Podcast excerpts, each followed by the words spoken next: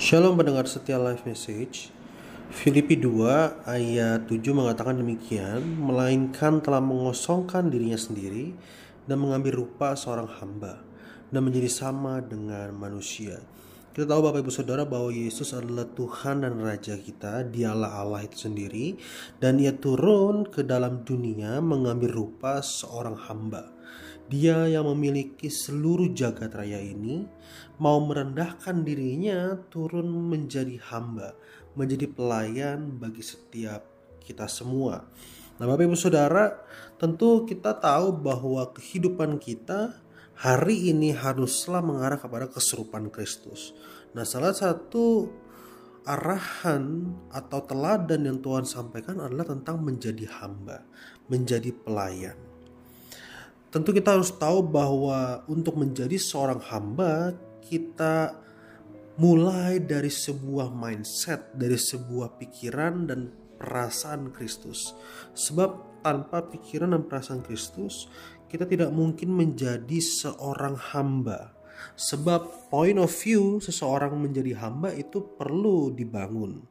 Kita nggak mungkin bisa tiba-tiba menjadi hamba seketika, tidak kita perlu bangun pola berpikir, kita membangun perasaan, empatinya, hal-hal begitu yang yang yang diasah supaya kita menjadi hamba.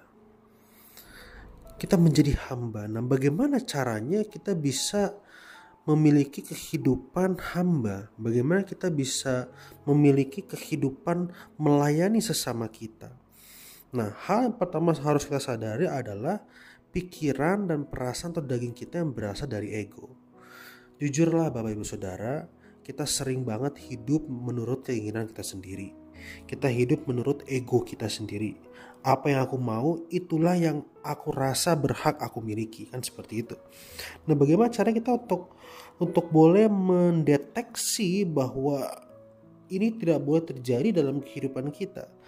Pikiran, perasaan dan yang egois itu tidak boleh terjadi dalam hidup kita. Oleh karenanya, setiap kita harus bertanya kepada diri kita sendiri, mengidentifikasi dan berdoa kepada Tuhan, Tuhan berasal dari manakah pikiran dan perasaan saya ini? Sebab jika pikiran dan perasaan itu berasal dari keinginan daging saya yang egois, maka tolong kasih tahu saya sebab itu bukan dari Kristus. Itu bukan dari Kristus. Sebab Bapak Ibu Saudara, dalam perjalanan hidup ini, firman Tuhan itu akan merobohkan benteng-benteng keangkuhan manusia. Dan keegoisan, keangkuhan itu akan menolak pengenalan kita akan Kristus. Akan menjauhkan kita dari pengenalan akan Kristus. Sehingga menjauhkan kita juga dari kehidupan Kristus yang hamba itu sendiri. Yang melayani. Oleh karena Bapak Ibu Saudara, kita perlu untuk membangun kehidupan ini berdoa mengetahui sebuah pikiran perasaan ini benar gak sih dari Tuhan? Benar gak sih ini dasar ini untuk kepentingan bersama? Dasar ini untuk melayani sesama? Atau jangan-jangan ini berasal dari keinginan diriku sendiri yang terselubung? Seorang pendeta bisa saja berkhotbah firman Tuhan tapi kita tidak tahu apakah khotbah yang dia sampaikan itu sedang memuliakan Tuhan atau memuliakan dirinya sendiri. Kita bisa saja bekerja dengan bos kita, dengan rekan kerja, tapi kita tidak pernah tahu atau atau kita hati-hati dalam arti, dalam arti kata begini, saya mau bicarakan bahwa kita itu harus berhati-hati dengan keinginan ego kita karena kita nggak tahu jangan-jangan dalam bisnis dalam pekerjaan ada hal yang terselubung hendak memuaskan keinginan kita dan kita lupa untuk mengembalikan semuanya untuk Tuhan. Jadi Bapak Ibu Saudara, marilah kita meneladani Yesus Kristus kita yang menjadi seorang hamba di dalam kasih.